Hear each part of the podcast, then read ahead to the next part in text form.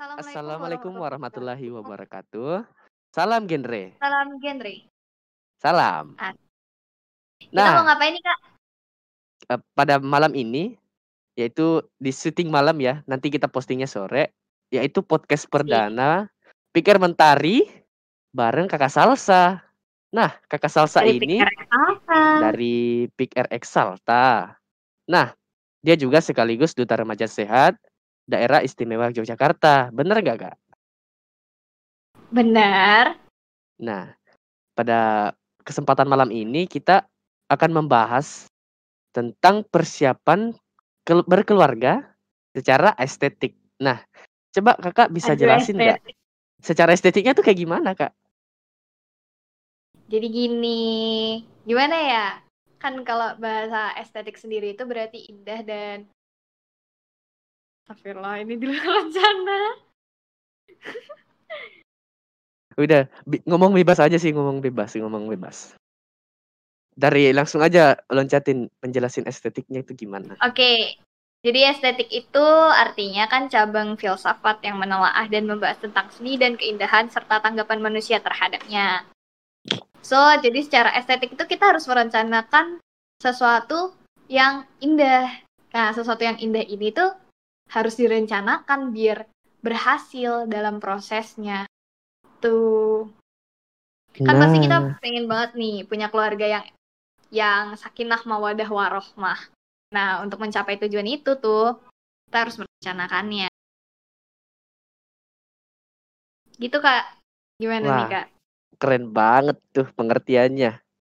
Iya, Ah, kalau zaman-zaman sekarang nih ya, estetik tuh ya biasanya diartiin kayak cantik, rapi, indah gitu loh. Nah, eh, kita masuk poin pentingnya nih. Faktor-faktor penting dalam kesiapan menikah apa aja ya, Kak? Bisa kita bareng jelasinnya? Boleh Kakak Oke, duluan? boleh. Oke, kita tuh dalam mempersiapkan kehidupan berkeluarga itu banyak banget yang harus siapin nih. Seperti Ya, kesiapan mental, kesiapan fisik, kesiapan finansial, interpersonal, dan lain-lain. Nih, ngomongin soal kesiapan usia nih. Tanggapan kakak tentang teman-teman kita yang di luar sana, itu yang menikah di bawah umur, entah itu dijodohkan atau MBA, Marriage by Accident, itu gimana kak? ya kalau aku sih eh, mereka yang marriage by accident itu sebenarnya mereka itu nggak salah. Eh bukan nggak salah sih. Mereka itu sebenarnya eh, salah caranya. Sebenarnya eh, untuk melakukan itu kita harus kita harus memiliki pemahaman-pemahaman dulu tentang bagaimana jika kita melakukan ini akan terjadinya seperti ini gitu loh. Nah, untuk teman-teman MBA yang di luar sana, eh, aku saranin mending eh, tahan dulu atau teman-teman yang belum belum melakukan hubungan terlarang terlarang itu ya, mending ditahan dulu sampai eh, sudah memasuki fase pernikahan. Nah, gitu Kak Salsa. Oke, ada fakta menarik nih. Jadi, 15,66% itu ada persentase pernikahan dini di Indonesia pada tahun 2018. Itu tinggi banget loh guys. Dan tempat tertingginya itu ter- berada di Kalimantan Selatan, 22,77%, Jawa Barat 20,93%, dan Jawa Timur 20,73%. Wah, Kenapa tinggi-tinggi ini ya. jadi krusial, Kak? Kenapa ini bisa jadi krusial? Karena pernikahan dini itu ternyata menyebabkan banyak masalah. Kok bisa? Karena secara Benar-benar. psikologis mental remaja itu belum siap untuk menghadapi berbagai masalah dalam pernikahan. Akibatnya jadi banyak terjadi KDRT. Selain itu, organ reproduksi di kita juga belum siap untuk menerima gimana ya Kak bahasanya? Untuk membuahi dan dibuahi. Iya, kayak Gitu, gitu. Kak. Kayak ini eh, mereka tuh belum siap untuk menghadapi kayak kehamilan begitu loh. Mungkin seperti Iya. itu ya. Selain itu resiko yang sangat tinggi juga kalau kita hamil di bawah umur. Kenapa Iya. gitu? Karena resikonya beresiko untuk keguguran kan bahaya banget tuh kalau keguguran ya kalau keguguran sih bukan bayinya doang yang biasanya koit ya kalau orang-orang milenial pasti tahu artinya dah koit meninggal pasti si ibu bayi juga pasti ada chance untuk mengalami hal seperti itu. Hmm. Oke kak, tadi kan kita udah ngomongin usia nih soal fisik nih. Sebenarnya emang usia menikah yang hmm, baik itu umur berapa kak? Kalau usia menikah ya, yang baik dan yang benar disarankan oleh Badan Kependudukan Keluarga Berencana Nasional itu disaraninya 25 tahun untuk laki-laki dan 21 tahun untuk perempuan. Nah, kenapa 25 tahun untuk laki-laki? Sebab pada usia itu sudah dikatakan usia ideal menikah. Karena pada usia tersebut laki-laki e, pemikirannya sudah bisa dikatakan matang dan pada usia tersebut seorang laki-laki e, bisa dikatakan hidup lebih mapan. Nah, dan tidak bergantung dengan orang tua. Dan yang kedua itu, mengapa wanita usia menikah idealnya itu 21? Ya, karena pada usia tersebut, eh, apa namanya, yang perempuan nih, eh, rahim mereka itu sudah siap dibuahi gitu loh. Kayak umurnya dia udah matang dia, kayak gitu kak. Dan juga okay, kalau okay di perempuan umur 21 ke atas itu uh, pemikirannya udah matang kayak wah kalau kan kita para remaja nih yang masih cinta-cintaan cinta monyet nih. mm. Kalau sekarang tuh ya pasti mikirnya misalnya nggak di chat ya. Ya, ih ke mana sih? Si dia ke mana? Gitu. nah, kalau pada saat umur 21 tahun pasti kan udah mengerti. Udah ngerti nih. Dia bilang kayak gini ya, palingan di kerja pokoknya positif thinkingnya lebih gede daripada negatifnya gitu kak okay, siap jadi di umur 21 tahun seorang wanita itu sudah siap dalam kondisi mental serta organnya organ reproduksi juga begitu juga dengan umur 25 tahun ya pada laki-laki gitu kan kak maksudnya Iya, okay. betul. Satu juta buat anda. Iya iya. Aduh. Mana nih satu juta? Ditransfer dong, Kak. Oke, next. Wih, next tuh. Lanjut. Kalau ini kan tadi kita udah ngomongin usia nih, Kak. Tadi kakak juga sempet nyinggung soal finansial. Iya, Sebenarnya benar. seberapa penting sih uh, uh, kesiapan finansial buat orang-orang uh, yang mau menikah? Iya benar-benar.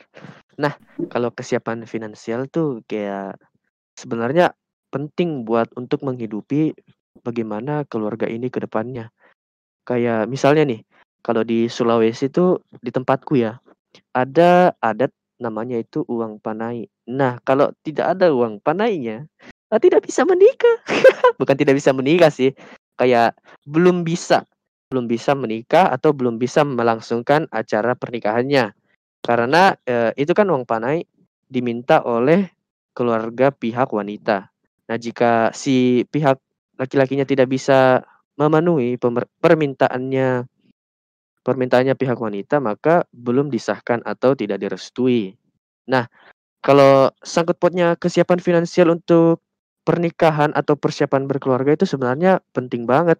Soalnya kalau, eee, kita udah nikah nih baru keluarganya minim ekonomi. Nah, pasti kan bingung besok mau makan apa. Nah, apalagi sekarang ada pandemi Covid kan, kita harus disuruh terus masker, masker, masker. Tetapi kalau kita beli masker terus, tap terus ekonomi kita tipis, ya kita mikir kan mau makan apa gitu. Begitu Kak Salsa. Oke, jadi kesiapan finansial itu penting banget ya guys. Selain Yoi. itu, besok saat kita sudah menikah, itu kan kita membutuhkan banyak kebutuhan. Kalau misalkan kita tidak mendapat gaji yang tetap atau gaji yang cukup, nah permasalahan itu harus ditanggung oleh kita sendiri, keluarga kecil sendiri. Karena saat kita sudah menikah, maka beban kita sudah bukan berada di orang tua lagi. Iya benar. Tuh. Benar, Benar benar? Kak? banget. Oke. Oke, next. Nah, eh, pada persiapan nikah juga ya teman-teman, kita itu seharusnya dibutuhkan siap dalam mental. Nah, siap dalam mental ini itu eh, kita bisa mempersiapkan segala kemungkinan dan bisa mengantisipasi risiko menyeimbangkan harapan dan kenyataan. Nah, gimana nih menurut Kakak Salsa?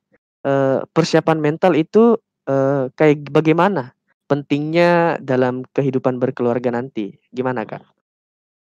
Wah, kesiapan mental tuh pasti penting banget.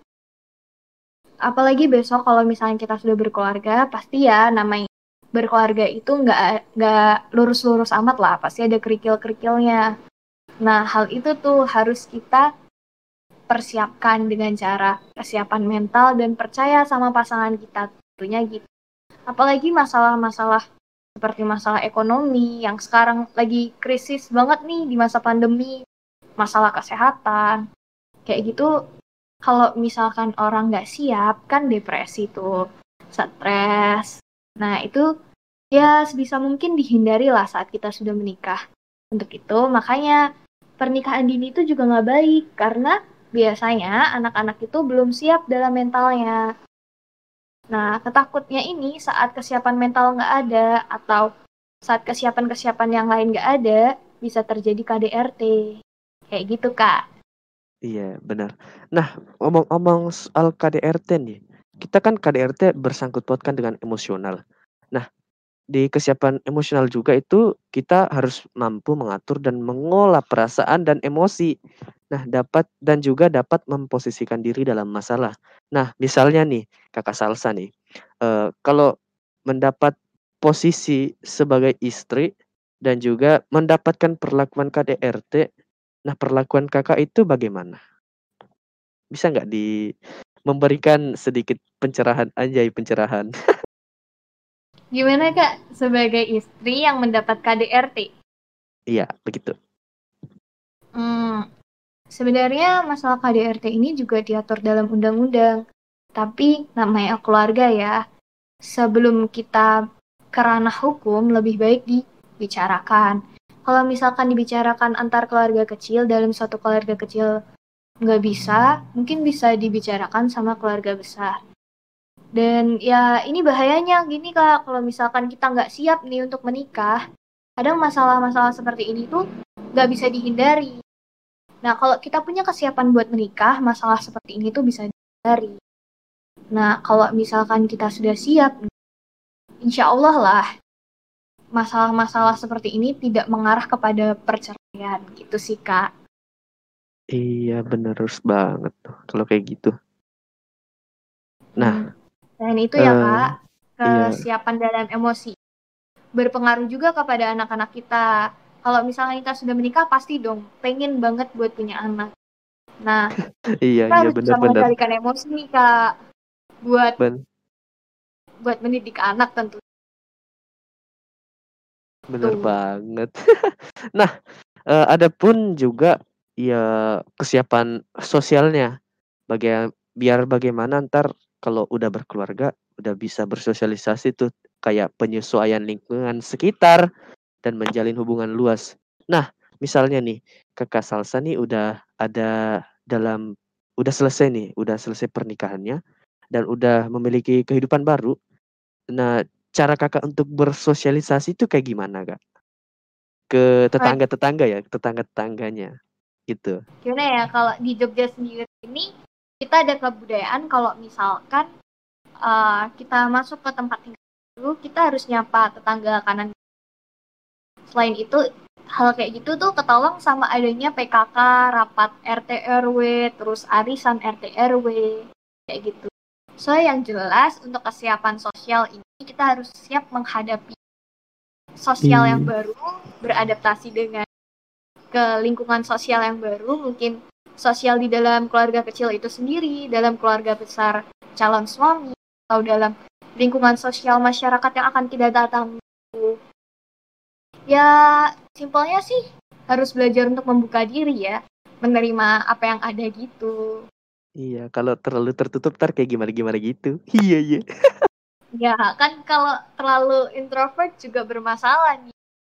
Iya sih, ntar Masa ntar kayak kayak tetangga saya tuh yang dituduh pesugihan gara-gara jarang keluar di rumahnya. Waduh, bahaya ya ternyata. Kalau kita tidak mempersiapkan mental untuk Iya, lingkungan sosial. sosial tuh. Nah, kalau misalnya nih, kan juga ada kesiapan moral nih, Kak. Yaitu mengetahui dan memahami nilai kehidupan yang baik seperti komitmen, kepatuhan, kesabaran, dan cara untuk memaafkan. Nah, bagaimana sih cara Kakak Salsa untuk bisa berpegang teguh atau bisa dibilang berkomitmen kepada pasangannya? Bagaimana tuh, Kak? Waduh, berat ya kak. Aduh. Iya dong. Sebenarnya kesiapan moral ini tuh basic banget lah dalam hubungan. Ya, nggak harus menikah. Seorang ibu dengan anak kan juga harus berkomitmen, berkepatuhan, kesabaran dalam keluarga kecil kita sehari-hari.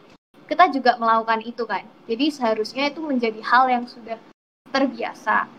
Tapi untuk ya kalau kita menikah kan kita berarti menerima orang baru dalam kehidupan kita nih. So, kita harus ya jelas banget buat membuka diri kepada dia, menerima dia dan masalah hidup dia, begitupun dia harus menerima kita dengan masalah hidup kita. Yang jelas juga harus jujur juga. Karena dengan adanya kejujuran itu timbul juga rasa kepercayaan. Juga menghargai batasan-batasan nih. Kadang beberapa hal itu kayak tidak perlu diurusin suami, kayak gitu. Beberapa hal juga tidak perlu diurusin istri. Kayak misalkan kerjaan suami nih. Kita nggak ada beberapa kerjaan yang nggak boleh kita urusin kan. Nah kita harus percaya sama suami kita soal itu. Gitu kak. Ada juga tuh yang dikatakan dengan kesiapan interpersonal, yaitu sal kesiapan yang bisa untuk cara saling mendengarkan dan membahas masalah pribadi dengan pasangan dan juga bisa menghargai perbedaan.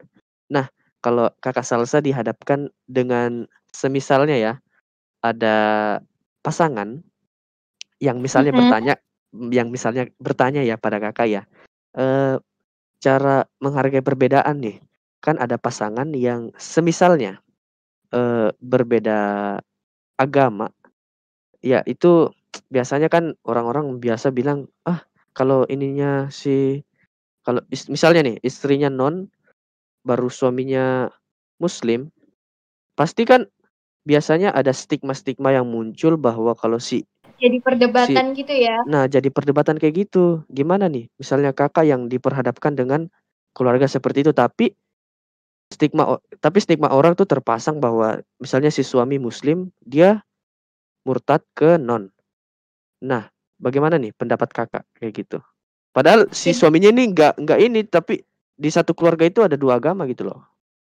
Oke. Jadi nih ya, kita kalau memandang seperti itu secara sosial, ya kemanusiaan aja sih. Sebenarnya basic kemanusiaan itu kan menghargai sesama ya. Apalagi di Indonesia itu terdiri dari atas banyak budaya, banyak suku, banyak agama juga. Basic aja kita harus bisa sesama. Gitu sih kalau misalnya menurut aku ya dari pandanganku.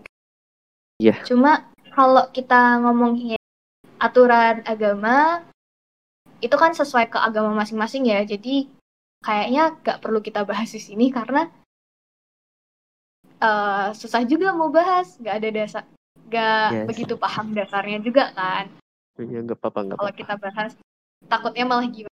Takutnya menyinggung satu pihak ya. Mm-mm, takutnya menyinggung salah satu pihak kan. Gitu sih. Oh iya kak, ini loh kak, kesiapan interpersonal nih erat banget nih kaitannya sama kesiapan moral. Iya, Menurut hampir Kakak sama. nih. Hampir sama. Iya hampir sama kan ya kak. Menurut kakak nih, pentingnya mereka berdua ada tuh gimana sih kak?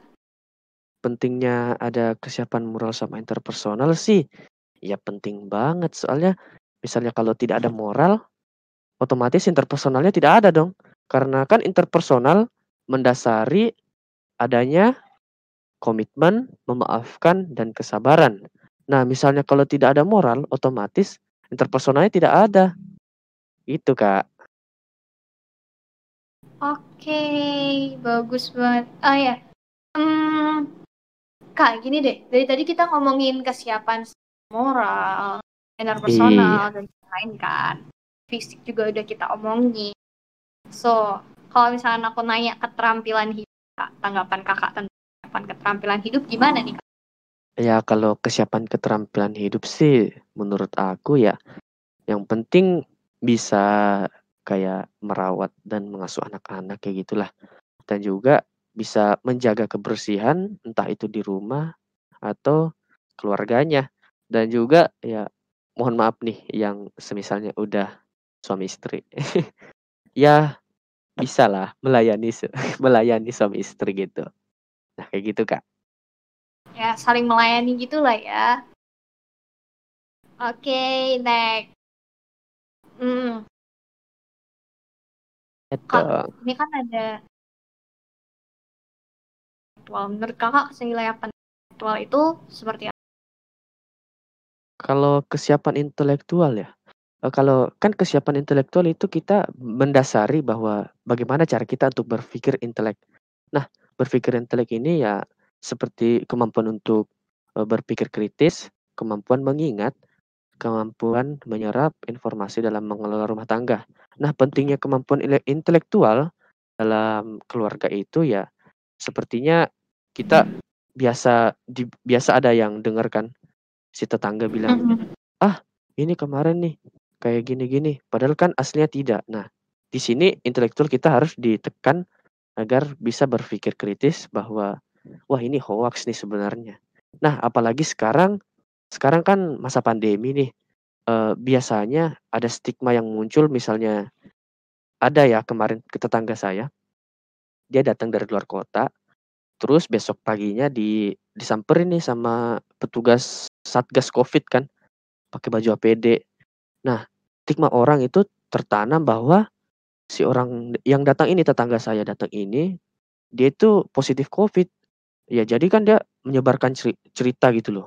Dia nyebar, "Eh, si ini dat didatengin sama satgas Covid." Ya kan otomatis ya kesebar kan berita hoax-nya. Nah, eee, pentingnya intelektual itu kita harus bisa menyerap informasi, apakah ini benar atau tidak. Dan juga kita harus bisa berpikir kritis. Nah, mungkin seperti itu Kak, Salsa.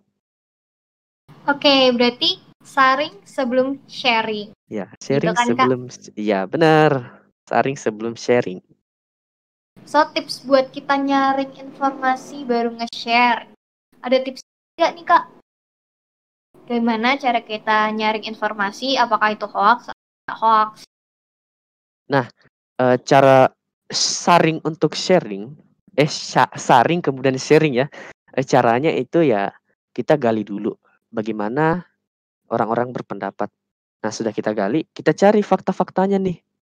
Ini bener nggak dia ngomong kayak gini? Terus kita ke sebelah ke yang satu lagi, ini bener nggak ngomong kayak gini? Nah, sudah setelah itu kita bisa tanyakan langsung sama yang bersangkutan yang dicerita.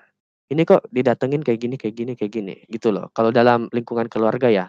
Kalau dalam lingkungan sosial, misalnya sosial media nih, eee, kita cari tahu dulu sumbernya dari mana. Nah, mungkin seperti itu, Kak. Oke, jadi kita harus, eee, mencari tahu sumbernya terpercaya atau enggak. Kalau misalkan emang sumbernya itu dari mulut ke mulut, kenapa nggak kita tanyain langsung ke orangnya gitu ya, Kak? Nah, iya bener banget tuh. Kalau dari mulut ke mulut kan biasanya ada yang ditambahin bumbu-bumbu penyedap gitu loh. Oke. Nah, lanjut nih, Next. Kak. Merencanakan Lanjut. keluarga atau aspek-aspek yang direncanakan sebelum merencanakan keluarga. Nah, yang pertama itu, eee, kita harus merencanakan usia pernikahan, yaitu tadi yang saya katakan perempuan 21 tahun dan laki-laki 25 tahun tahun. Nah, program BKKBN pernah mengeluarkan di apa, apa yang sosial itulah, sosial media ya, kayak dia mengeluarkan hashtag 2125. Nah, kalau kalian, eee, mantauin, eee postingan-postingan barunya Pikir Mentari, kalian lihat tuh yang pojok kanan bawah ada hashtag 2125. Nah, ini artinya guys. Wih, guys gak tuh? Nah, yang kedua ada membina hubungan antar pasangan, yaitu dengan keluarga lain dan kelompok sosial. Nah, yang ketiga itu perencanakan kelahiran anak pertama dan mempersiapkan menjadi orang tua. Nah, yang ketiga ini sangat penting soalnya kan kita sekarang ini masih masa remaja. Nah, kalau udah menikah, udah berpikiran dong bilang nanti anak kita harus kayak gini. Jadi kita harus siapin cara menjadi orang tua. Dan yang keempat itu mengatur jarak, jarak kelahiran yang dengan menggunakan alat kontrasepsi. Nah, nanti alat kontrasepsinya ntar kakak Salsa yang nyebutin ya. Oke. Nah, yang kelima, berhenti melahirkan di usia 35 tahun. Yaitu untuk menghindari risiko pada ibu. Nah, sebab kalau masih usia 35 tahun, itu rentan uh, rentan terjadinya kematian pada si ibu, ibu bayi. dan yang keenam atau yang terakhir itu merawat dan mengasuh anak balita. Yaitu dengan memenuhi kebutuhan mendasar. Nah, kalau misalnya balitanya udah tidak dirawat atau tidak terawat atau tidak terasuh secara benar, uh, bisa terjadi bisa saja ya, bisa saja terjadi cacat mental pada anak jika sudah dewasa. Begitu Kakak Salsa. Oke, ternyata banyak banget yang harus kita rencanakan sebelum berkeluarga ya, Kak. Iya dong. soal waduh. Ngomong-ngomong soal 2125 nih, kenapa sih kita harus menikah di umur minimal perempuan umur 21 dan laki-laki minimal umur 25. Buat yang perempuan nih, kayaknya tadi juga sebelum itu udah dijawab ya. Jadi, ya, fase yang baik untuk melakukan kehamilan itu di umur 20 tahun sampai 35 tahun. Makanya ya, di benar. umur 25 tahun kita harus berhenti untuk berhenti melahirkan. Untuk melahirkan. Kenapa gitu tuh? Tadi aku udah ngomong soal resiko tinggi saat hamil terlalu dini. Begitu juga saat hamil sudah terlalu tua, itu juga memiliki resiko tinggi untuk keguguran dan masalah kehamilan lainnya. Nah, selama masa kehamilan ini ya, biasanya kan orang tuh ada yang pengen punya anak satu doang, anaknya dua, anaknya tiga. Gen Halilintar aja sebelas. Gimana itu, ya? Anu, gen geledek, gen geledek. gen geledek. nah, di sini itu minimal uh, rentang antara kehamilan anak pertama dan kehamilan anak kedua dan selanjutnya itu minimal 2 tahun sampai 4 tahun. Di antara itu kita bisa menggunakan alat kontrasepsi, misalkan IUD, suntikan, mini pil, pil, implan. Nah, sebelum umur 20 tahun nih, kita juga bisa menggunakan alat kontrasepsi untuk mencegah kehamilan. Itu bisa menggunakan pil, IUD, implan, atau suntikan. Nah, setelah umur 35 tahun, itu juga bisa menggunakan alat kontrasepsi untuk mencegah kehamilan. Itu kita bisa menggunakan sterilisasi, IUD, implan, suntikan, atau pil. Itu, Kak. Nah, iya. kenapa tadi aku sebutin sesuai rentang umurnya? Karena itu yang direkomendasikan menurut umur dan kebutuhan organ reproduksi kita. Tuh. Iya bener banget tuh. Nah, ada juga nih yang alat dalam merencanakan keluarga. Yaitu ya adalah yang dikatakan tubektomi. Nah, tubektomi ini ya pengikatan tuba dalam saluran telur. Dan juga kalau pada laki-laki itu ada vasektomi. Eh, pengikatan atau pemotongan saluran sperma agar sperma tidak keluar dari kantong sperma. Nah, eh, bagi kalian yang mungkin anak IPA pasti kan ngerti kayak ginian, masa yang nggak nggak ngerti sih. Nah juga ada kontrasepsi juga yang dibilang pil KB. Nah pil KB ini kemarin biasanya dijadiin meme ya pada saat apa pada saat yang orang-orang ngomong uh, bedanya pil KB sama pilkada itu apa? Nah kalau pil KB dia menghentikan kehamilan atau menunda kehamilan. Nah kalau pilkada dia menunda Ah, eh, tidak boleh disebutkan. Nanti takutnya kita dijemput tukang bakso. Dan juga tukang bakso. Dan juga ada suntik KB. Nah, suntik KB ini ya adalah obat KB yang disuntikan bukan atau satu bulan sekali atau tiga bulan sekali pada ibu yang ingin menunda kehamilannya. Dan yang terakhir ada kondom. Nah teman-teman pasti tahu kan apa itu kondom. Biar ada tuh tetangga saya itu yang masih umur cilik banget, bocah cilik banget. Kalau nggak salah umurnya 10 tahun atau 11 tahun. Dia tuh udah tahu kondom, nggak tahu saya tahu dari mana dia. Entah itu dari teman-temannya kah atau dari mana. Ya, kondom itu kayak sarung karet tipis yang menutup penis untuk menampung cairan sperma pada saat pria pria berejakulasi. Oke. Okay. Nah. Oh iya, tadi kan ngomongin tubektomi. Nah, di antara alat-alat kontrasepsi seperti itu, itu juga ada keuntungan dan kerugiannya. Nah, tubektomi sama vasektomi itu keuntungannya mereka tuh jangka panjang dan efektif. Tidak ada efek samping dalam jangka panjang dan tidak mengganggu hubungan seksual. Tetap uh, sistem apa ya cara kontrasepsi yang dua ini nih kita harus uh, ngomongin secara matang-matang karena mereka bersifat permanen ya kak gitu ya nggak kak gimana nih kak bener Aduh. banget tuh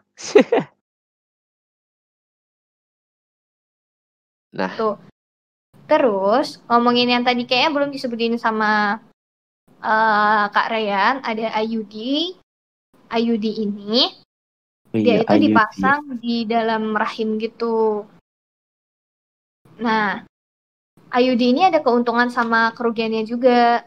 Efektivitasnya dia tuh tinggi 0,608. Jadi hampir 100% lah ya. Terus kesuburan dapat segera kembali setelah IUD dibuka.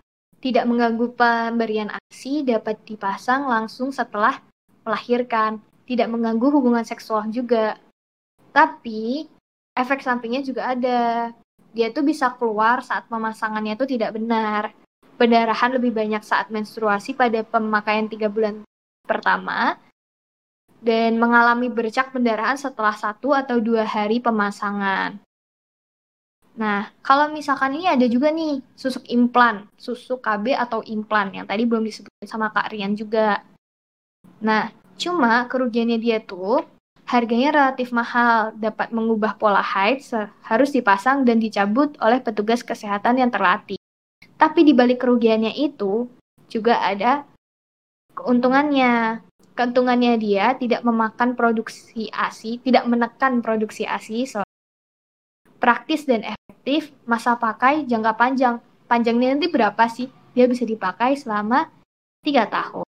Kesuburannya juga cepat kembali setelah pencabutan dapat digunakan oleh ibu yang tidak cocok dengan hormon estrogen. Tuh. Bener banget tuh. Nah, eh, apa? Ini kan semuanya pasti kan ada negatif positifnya kan ada keuntungan dan kekurangannya.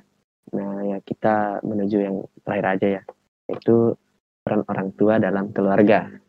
Nah, bisa gak Kak Salsa nyebutin apa aja sih peran istri atau ibu? BTW suara kamu kecil banget nih. Emang iya kecil banget ya? Halo? Ini udah gede, udah gede. Anybody okay. here? Eh, ini ya. Uh, kita masuk nih di penghujung acara anjay pen, penghujung acara dong. Nah, peran orang tua dalam keluarga. Nah, kakak Salsa bisa nggak nih jelasin atau sebutin aja deh peran istri atau ibu itu kak. Aduh, tentunya jadi ibu dan jadi seorang istri itu merupakan tugas besar ya karena tanggung jawabnya juga sampai akhirat. Iya. Saya tugasnya nih ya peran seorang orang tua dan peran seorang istri itu adalah memenuhi kebutuhan biologis, fisik dan ekonomi anaknya, merawat dan mengurus keluarga dengan sabar dan penuh kasih sayang. Makanya dalam tugas ini kita perlu banget tuh kesiapan interpersonal dan kesiapan emosional mendidik dan mengatur dan mengasuh anak, menjadi contoh teladan bagi anak, plus nih, melayani suami. Jelas banget kan tuh tugas orang istri. Oh ya kak, ini kan soal seorang istri udah aku sebutin nih. Kalau iya, iya soal iya seorang suami gimana nih kak? Iya, kalau seorang peran cowok, kan? peran suami atau ayah sih ya biasanya dia yang nyiapin tempat tinggalnya yang layak, harus tuh. Poin pertama, harus tinggal di tempat tinggal yang layak. Nah, yang kedua, siap atau siaga mendampingi istri selama masa kehamilan. Nah, yang ketiga itu mendukung istri untuk menyusui bayinya. Dan yang keempat, turut merawat bayi sejak dilahirkan. Dan yang kelima itu melakukan aktivitas bersama anak. Dan yang keenam atau yang terakhir menciptakan komunikasi yang baik dengan seluruh, seluruh keluarga. Nah, pada poin lima ini eh, jika seorang ayah tidak melakukan aktivitas bersama anak, eh, bisa saja eh, anak ini eh, kayak bisa dibilang kurang kasih sayang sama ayahnya. Nah, kita biasa lihat di ya kalau teman-teman pasti kan ada biasa yang nonton Indosiar, nonton Azab gitulah. Ya pasti kan ada dari sana yang berperan kayak dia kurang kasih kurang kasih sayang sama ayahnya yang karena dia ditinggal pergi gitu kesal. Jadi peran orang tua ini penting banget ya untuk menghindari anak broken home gitu ya kak? Iya benar banget. Oh ya kak, ini ada pertanyaan nih muncul tiba-tiba terlintas di otak. Ya gimana gimana? uh, menurut kakak, apakah menikah atas dasar cinta, atas dasar cinta, itu gimana tuh tanggapan kakak? Pernikahan Terus, atas dasar cinta. Uh, hanya berdasar cinta. Hmm? Terus? Ya. Sebenarnya cinta itu penting gak sih kak dalam pernikahan? Bener banget. Nah, udah bisa jawab nih. ya udah bisa jawab. Jawablah nah, kak. Kalau pernikahan atas dasar cinta atau iya gitu lah kan? Atas dasar cinta kan? Atau hanya, hanya mendasari, hanya mendasari bahwa saya cinta kamu begitu kan? nah, kalau menurut saya eh, sebaiknya difikirkan dulu secara matang. Karena kalau hanya mendasari cinta, tidak mendasari dengan finansial, tidak mendasari dengan usia kematangan atau usia ideal dan sebagainya, akan ya pasti orang-orang atau orang-orang nggak tuh, pasti si orang tua calon mempelai kita katakan, pasti dia kan tidak merestui. Soalnya kalau berdasarkan cinta emang anaknya mau, mau dikasih makan apa, pasti kan kayak gitu orang-orang tua. Entah itu zaman dulu atau zaman sekarang kan pasti bilangnya kayak gitu. Tapi ada juga yang pernikahan tanpa atas dasar cinta. Nah, kalau seperti itu juga malah lebih bahaya lagi soalnya kalau seperti itu akan cepat cepat atau lambat eh, hancurnya hubungan rumah tangga seperti itu karena tidak adanya cinta yang mendasari hubungan tersebut. Nah, mungkin seperti seperti itu Kak Salsa. Oke. Kak, ada nih kayaknya ada salah satu lagu yang ngomong soal cinta bisa datang karena terbiasa. Gimana tuh, Kak? Apa cinta bisa datang kapan saja? cinta bisa datang karena terbiasa. Oh, cinta bisa datang karena terbiasa gitu. Iya, Ya kalau ngomong soal pendapatku sih ya, aku sih nggak hmm. aku sih nggak percaya ya kalau kayak gitu ya. Soalnya orang baru kenal aja nih, baru lihat tuh, baru lihat, belum kenal, baru baru lihat, baru lihat mukanya tuh. Cinta pandangan pertama nih, Kak? Iya, baru lihat nih padahal belum kenal. Rasa memiliki tuh rasa rasa memiliki tuh udah ada. Aduh. Kayak gitu, lewat aja gitu loh. Chattingan Facebook. Pacarannya online. Anaknya online dong. Iya. Bisa jadi. Anaknya, anaknya software. bisa bisa jadi. Nah, kalau udah kayak gitu sih, kalau pernyataan cinta datangnya karena terbiasa, ya bisa juga. Tapi saya nggak percaya karena kayak gitu. Soalnya kalau udah terbiasa tuh kayak misalnya nih teman sekelas kan, anggap saja nih, anggap aja nih teman kelas kan, Pasti kalau udah terbiasa tuh nganggapnya bukan cinta, nganggapnya tuh kayak ya saudara, kayak saudara gitu. Apa kayak rasa cinta eh, bukan rasa cinta untuk saudara gitu loh. Bukan untuk untuk ini untuk pasangan gitu. Mungkin seperti itu Kak Jadi Salsa. pernikahan hanya berdasar cinta itu juga eh kurang bijak ya, Kak. Iya, Nah, benar sebelum banget. itu kita harus mempersiapkan banyak hal. Dan pernikahan tanpa cinta pun itu kurang bijak karena cinta itu apa ya, membantu kita membangun hubungan yang baik dan menghindari kita dari hal-hal buruk seperti KDRT dan lain-lain. Kayak gitu ya, Kak? Iya, benar banget. Nih, Kak Salsa, aku juga ada pertanyaan yang terlintas di pikiranku nih. Tapi satu doang, nggak banyak-banyak. Apa nih? Eh, Wah, gini, kayak Kak Ryan dendam ya. enggak. Kayak gini nih, Kak. Misalnya nih, dari semua yang tadi Kakak sebut eh, peran istri atau ibu, misalnya ada satu aja, satu aja nih peran yang tidak terpenuhi dari aspek-aspek peran ibu tuh apa yang bisa terjadi atau yang bakalan terjadi gitu loh, Kak. Gimana? Oke.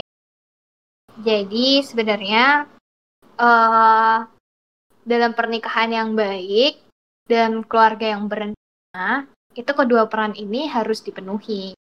Cuman kadang em, apa ya? Eh, Apa Gimana tuh? ya? Ada yang harus terpisahkan oleh maut atau ada yang harus terpisahkan oleh sesuatu hal yang tidak dapat dihindari. Kayak gitu. Itu pun sebenarnya bisa ditangani dengan kalau misalkan terpisahkan oleh maut itu kan keinginan Tuhan ya Ya kehendak kan nggak Tuhan bi- sudah kehendak Tuhan kan nggak bisa Tuhan. diinin kan. Iya bener-bener. Hmm, tapi aku rasa kasih sayang dan orang tua itu lebih dari cukup. So, kita selama membina anak dengan kasih sayang, dengan hal-hal baik, dengan hal-hal positif, hal-hal seperti anak yang broken home itu insya Allah bisa dihindari. Banyak kok ibu-ibu yang berhasil merawat anaknya sendirian, banyak juga ayah-ayah yang berhasil merawat anak gitu sih kak.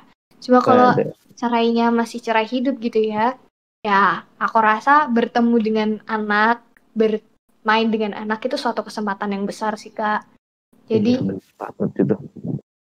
ha- walaupun tidak bersama, anak itu jadi tanggung jawab kedua orang tuanya gitu kan kak. Iya sih. Tetap harus membina suatu hubungan yang baik awal gitu. terhadap Iya. anaknya. Gitu kak. Sip deh. Gimana? Menjawab atau tidak? Ya. Terserah nanti yang dengerin. Kalau saya mah dapat. Ya, semoga yang dengerin juga dapat ya. Yo, Nah, sudah menjadi di penghujung acara. Eh, Asik, gimana nih penghujung kita nih. bahas? Kita bahas apa nih? Atau kita tutup aja? Mau bahas aja. apa ya? Kita tutup aja ya. Coba, Kita hmm, kita bertemu di next podcast. Entah itu kita bareng Kak Salsa lagi atau eh, dari yang lain, dari yang lain, bukan dari yang lain, Eh, dari narasumber yang lain. Iya. hmm, Iya. oke, boleh. Eh, mungkin Jadi Salsa bisa memberikan saran-saran yang apa saran-saran Eh, bisa memberikan iya sih saran-saran sih saran-sarannya yang bisa membangun ke pendengar pendengarnya nanti ini mungkin gimana kak Mana ya? Eh, saran aku sih ya, buat teman-teman remaja, hidup kita kan masih panjang. So, sebelum kita menghadapi masalah-masalah lebih rumit, sebelum kita memasuki jenjang kehidupan baru seperti pernikahan, sebenarnya kita harus love yourself dulu nih. Kita harus mencintai Love diri your- kita sendiri. love yourself macam Hmm, lagu Kayak lagunya BTS, Love Yourself. Ah saya tidak tahu saya taunya GB doang Ya, ya ya nek, dari lanjut yourself itu kita bisa menghindari perma- banyak permasalahan nih, contohnya permasalahan mental. Kalau kita bisa menghargai diri sendiri, insya Allah ya, kita terhindar dari masalah kayak insecure, overthinking, kayak gitu. amin Ya, jadi saranku itu adalah untuk love yourself, guys. Gitu. tuh guys dengerin guys love yourself don't don't don't love her if if her don't love you anjay Yani. Kalau kamu tidak bisa mencintai dirimu sendiri, bagaimana kau mau mencintai orang lain? Kayak gitu. Iya iya iya. Gimana nih kak? Oh ya, kalau misalnya Eh. buat kakak sendiri, kak Ryan nih, Iya. saran kakak, pesan buat pemuda, remaja seumuran kita gimana nih? Kalau dari aku ya, pesan buat para pemuda, para remaja, ah, dan para pelajar, mungkin Apa ya belajar? mungkin kita bisa lebih kreatif aja dalam merangkai kehidupan yang akan datang. Anjay merangkai nggak tuh? Yang penting eh, bagaimana kreatifmu, ya bagaimana kreatifmu ya. Kreatif itu akan ada hasilnya kan, dan kamu yang nikmati sendiri. Dan jangan lupa tadi saya katakan dirangkai. Kreatifnya tuh ya rangkaiannya tuh harus kreatif. Kalau nggak kreatif ya monoton, nggak asik hidupnya loh. Soalnya aku nih ya tipenya ya nggak suka yang monoton. Ya, Hmm. oke ya. Jadi ya kita rencanakan kehidupan dengan baik serta persiapan yang baik juga gitu ya kak. Iyo, i Yo, Ya. iya. ya udah. Kita tutup ya Udah, karena gimana nih, udah udah sejam nih kayaknya ya. Udah sejam atau 40 menit. Kalau aku sih rasanya udah ya. sejam. Tapi Ya ya udah kalau kalau aku rasa-rasa ya. kalau aku rasa-rasa lagi ya baru lima menit soalnya waktuku tidak terasa kalau bareng Kak Salsa. Iya. Kayak digambalin nih. Udah kita tutup ya dengan ucapan Assalamualaikum warahmatullahi wabarakatuh. Eh kak, Salam genre. Kenapa? wassalamualaikum dong kak. Kenapa assalamualaikum? Hah? Barengan ya kak. Satu, Ya udah barengan-barengan. dua, tiga. Assalamualaikum, Assalamualaikum warahmatullahi wabarakatuh. Salam, Salam genre. genre. Iya, mantep. Asik. One, four, three, two, one. Eh, one, Three, two, one. one, four, ah, Three, One- two, one. one, Close the door. one, apa? One, two, three. Close the door. Eh, Three, Mantap. two, one. Close the door dong. Eh, gila sih. ya udah ya kayak gitu. Bye bye guys. bye bye. Thank you, Kak. Sarsa. Thank you juga Kak Rian. Asik.